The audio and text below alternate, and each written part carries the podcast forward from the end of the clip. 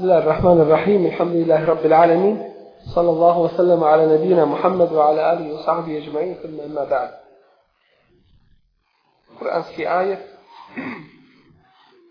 ولا تقتلوا النفس الذي حرم الله إلا بالحق في أسطوب غسية vasijeta i oporuka koje uzvišeni Allah tabaraka wa ta'ala spomenuo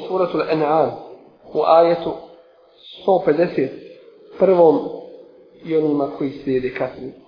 Tu je spomenuo vasijete, kažem da su to vasijeti jer kada se hoće ukazati na važnost nečega, kaže se to je vasijet i oporuka. Iako, pogledu Allaha tabaraka wa ta'ala, to je u stvari ono za što je od nas zavjet uzeo. I čvrst ugovor da ćemo ga, da ćemo ga u stvari izvršiti.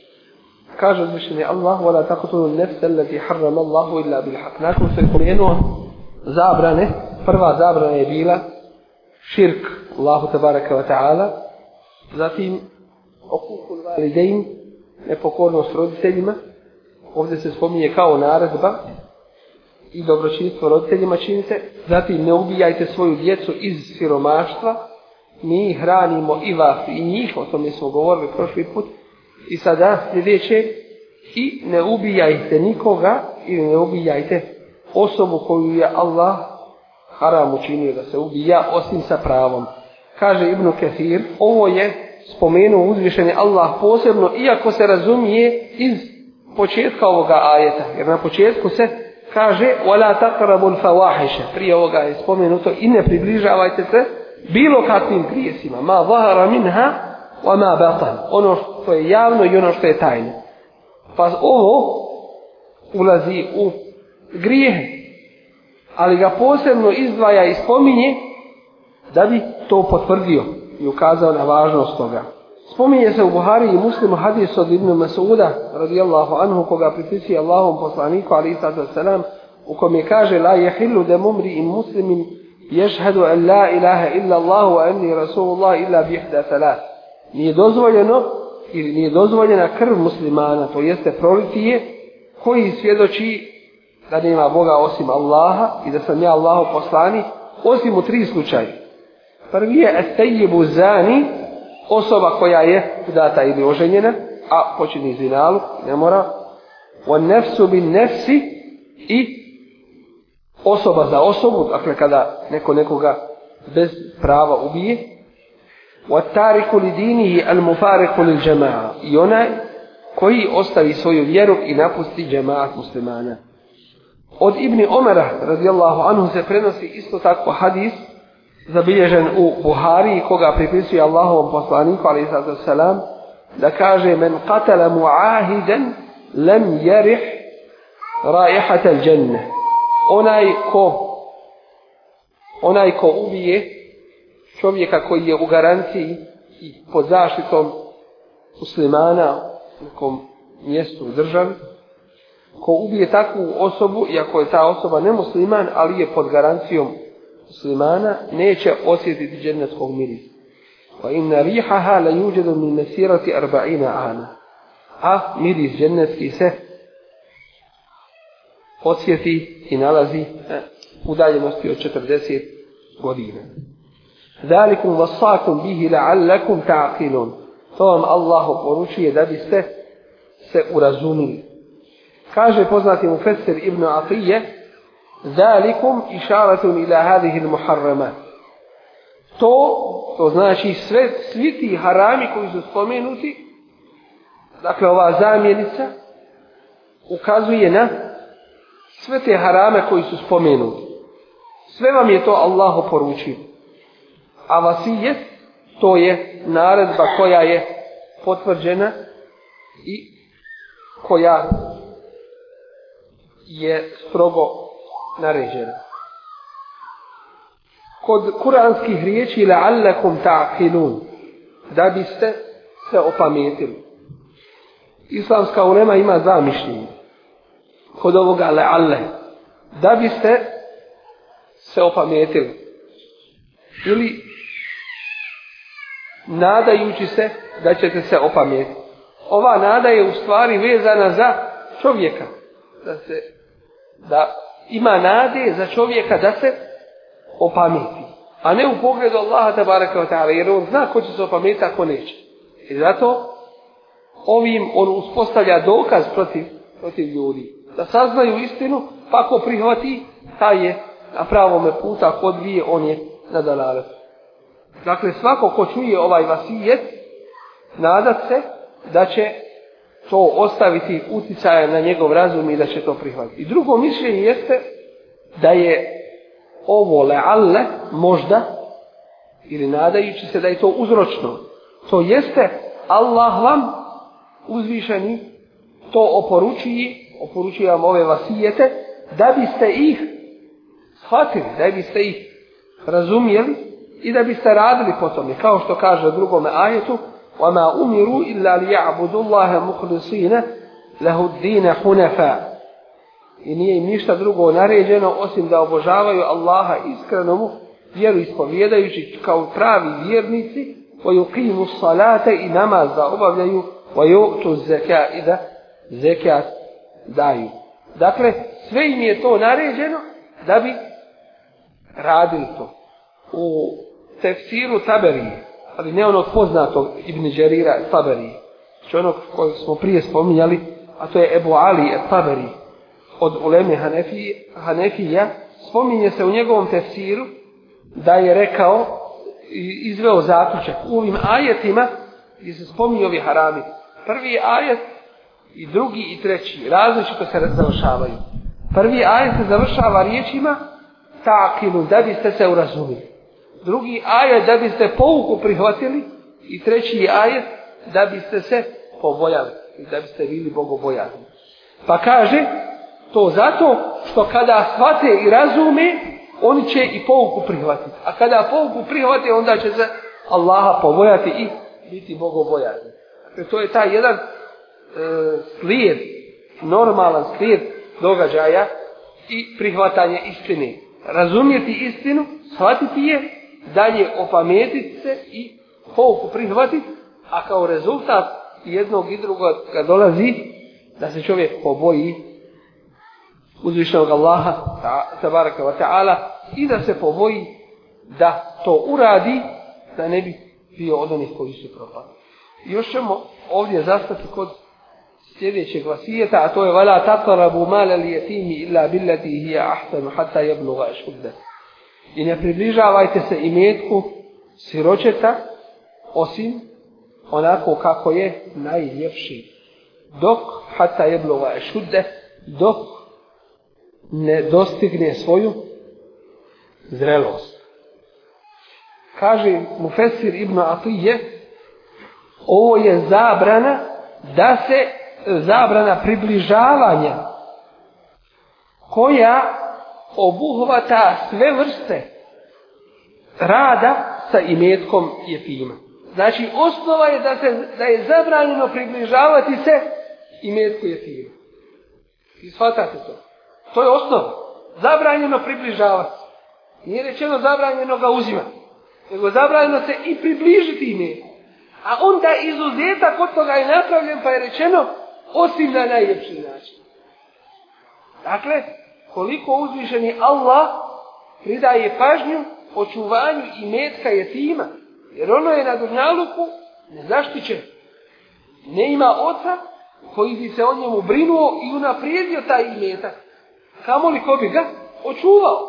I zato, ako se bude olako odnosilo sa imetkom jetima, to će biti velika propast.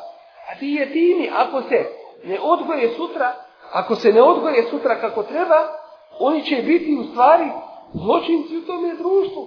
Jer nemaju odgoje, nemaju osnovnih principa i osjećat će u svojoj zrelosti da ih je to društvo ili pojedinci toga društva da su ih iskoristili.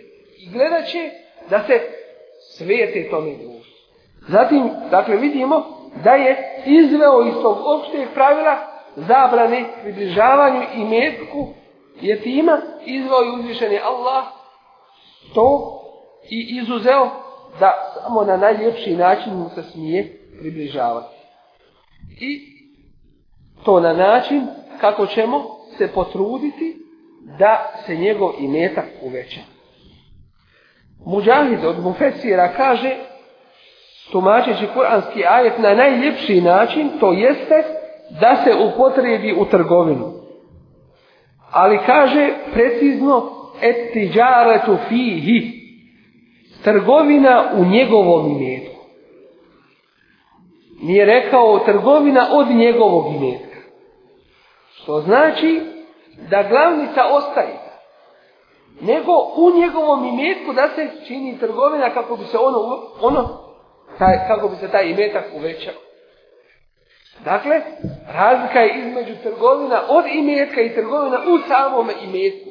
Dakle, što znači i u toj trgovini pazite dobro da ona glavnica ostane, a da trgujete od, od onoga što je mimo toga. Da bi se garantovalo očuvanje toga njegovog imetka. I zato se isto kaže u kuranskom ajtu u sura Inisa وَرْزُقُوهُمْ فِيهَا I te je time tu siroča, obskrbite fiha u njihovim imetima, a nije rečeno od njihovih imeta. Što znači da čovjek taj veli i taj nadzornik toga je tima da se potrudi da glavnica se ne umanjuje, da ona ostaje, a da ga obskrbljuje u tome imetu, a ne iz njega da se ona umanjuje, nego da nastoji da se uvećava imetak toga je tima, nikako da se smanjuje. I zato oni koji budu nadzornici nad jetimima, pa imaju svoj imetak lični, bolje je da kada dobije se zarada i neki dobitak u imetku jetima, da ništa od njega ne uzimaju za sebe. Niti kakvu nadoknadu, niti kakvu obskrbu, niti bilo šta. Da bi zaista to bilo u ime Allaha tabaraka wa ta'ala i na najbolji način obavljeno. A onaj koji je potreban im Imamo nadzornika nad jetimima koji su sami potrebni. U tome slučaju oni koji nemaju svoga imetka, on će e, nešto odvojiti za sebe od dobiti imetka jetima. I u tome slučaju će uzimati bil ma'ruf, onoliko koliko je poznato, priznato, u stvari onoliko koliko kada uzme i ljudi znaju da je to uzeo, neće mu nitko reći pogledaj ga šta radi.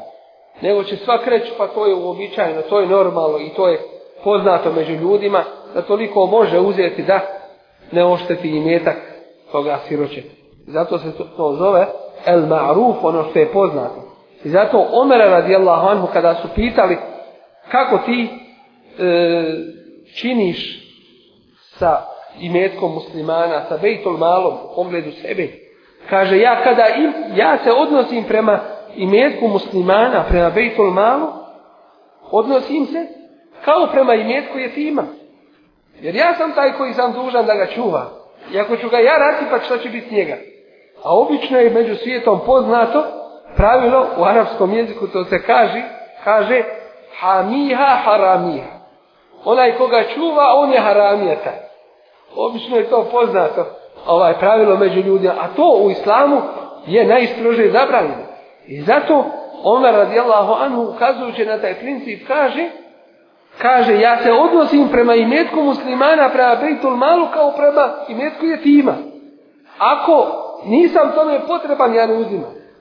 Ako mi je potrebno uzmem onoliko bil maruf koliko je potrebno. Zaista je Omer u tome posebno bio poznat time što je odredio svojoj porodici određeno primanje. I žena kao žena je pokušala nešto od toga da uštedi. I na kraju mjeseca napravila je neke slatkiše, halu i tako dalje. Pa je pitao Omer odakle ti ovo? Je li neko donio, je li poklonio, šta, šta se desilo? Jer je gledao da zaista njegov, njegova hrana bude halal. Kaže, to sam ja uštedila od onoga što nam donosiš. Od tvojeg primanja mjesečno. Kaže, koliko si uštedila? Toliko, kaže, to će vratiti u Bejtul To će vratiti u muzlimansku riznicu. Evo Bekr radijallahu anhu, kada je prihvatio da bude halifa, krenuo iz na Čarši. Pitaju ga ashabi, kućeš? Kaže, idem na čaršiju svoj posao, običajni rad. Kaže, ne može tako. E, ti sad preuzeo obaveze muslimana, pa ćemo onoliko koliko si ti zarađivao na čarši, obezvijet ćemo ti, a ti se bavi pitanjima muslimana. I tako je bilo kod Ebu Bekra Allah i kod ostalih halifa. Hatta jebloga je dok ne dospije do svoje zrelosti. Ovdje u Lema spominje više mišljenja, poznato mišljenje od Malika i, i mnogih drugih jeste da je to e, da se od te osobe otkloni situacija nesvjesnosti, situacija nerazboritosti. Dakle, da ta osoba bude u stanju da upravlja tim imetkom. Uz bulu, to jeste uz, uz sazrijevanje i punoljetstvo, koje po islamu ne biva samo po godinama, nego po određenim znacima koji se pojavljuju na svakoj osobi. Ali samo ljetstvo ne znači da je sposobna osoba da, da upravlja određenim imetkom. I zato u šarijatu imamo osoba koje imaju 30, 40 i više godina, pa im se učini hijđr, a to je e, odredi im se starate koji će na njih trošiti imetak. Jer te osobe po svome postupku nisu sposobne da upravljaju imetkom. Dadneš mu, ne znam koliko da mu dadneš, dva dana ne može kod njega ostati. Ili će izgubiti. Ili će potrošiti. Nešto će biti, ali kod njega to ne može I da ima ne znam koliko i metka, on je problem. Otiće treći dan pa će prostiti, će ukrat, nešto će biti od njega. I onda se odredi osoba koja će se brinuti o njemu. Koja će njegov metak uzeti sebi i onda mu bilo davati svema na vrijeme u određenoj količini ili će mu kupovati za to hranu, odreću i njegove, i njegove potrebe. To je isto tako i sa, i sa jetimom kuranski ajet kaže je tama hatta ida belegu nikah. I iskušajte, i iskušajte je time, stavite ih na ispit dok ne dosegnu nikah. A to je u stvari punoljetstvo. Fa in anestum minhum rušden, pa ako kod njih osjetite zrelost, fadfa'u u alam. Vi im dajte njihove imetke. Dakle, uslovio je uzvišeni Allah da bi im se dali meci tri uslova. Prvi, da se iskušaju, da se isprobaju. To jeste da im se dadne nešto malo od imetka, pa da se vidi kako će oni sa tim imetkom postupiti. Time će se isprobati njihova zrelost i njihov razum. Drugo, bulu, da to puno ljetstvo. I treće, rušt, a to je zrelo, dakle da takvi dosijeli. Ovo je vrlo bitno kada se radi o jetimima i onima koji su nadzornici tih jetima. Što znači da ti nadzornici su dužni i odgovorni da na najbolji način upravljaju sa imetkom jetima. I da od njega ništa ne uzimaju ako, ako nisu potrebni. A ako su potrebni samo onoliko koliko su u potrebi, koliko je poznat. Isto se radi sa institucijama. To znači, ako postoje institucije koje se brinu o jetimima, ako mogu same sebe izdržavati, to je najbolje. Ako ne mogu, onda će od imetka jetima onoliko upotrebljavati koliko im je, koliko im je najpotrebnije za održavanje svojih osnovnih potreba. Glavnica ostaje jest, govor je o onome da se unapređuje, da se unapređuje e, ta glavnica i odobiti da se troši na, na te jetine. Šalav u sljedećem kazivanju govorit ćemo o, o tome kako je nužno pravdu uspostaviti prilikom trgovine, zatim prilikom govora, svjedočenja, kako je nužno ispuniti obećane zavijete i kao posljednje steženje ove vjere i nerazilaženje na frakcije koje dolazi kao rezultat neslijeđenja ispravno ove vjere ili unošenja nekih novotarija koje uzvišeni Allah nije dozvolio. Zatim Allah.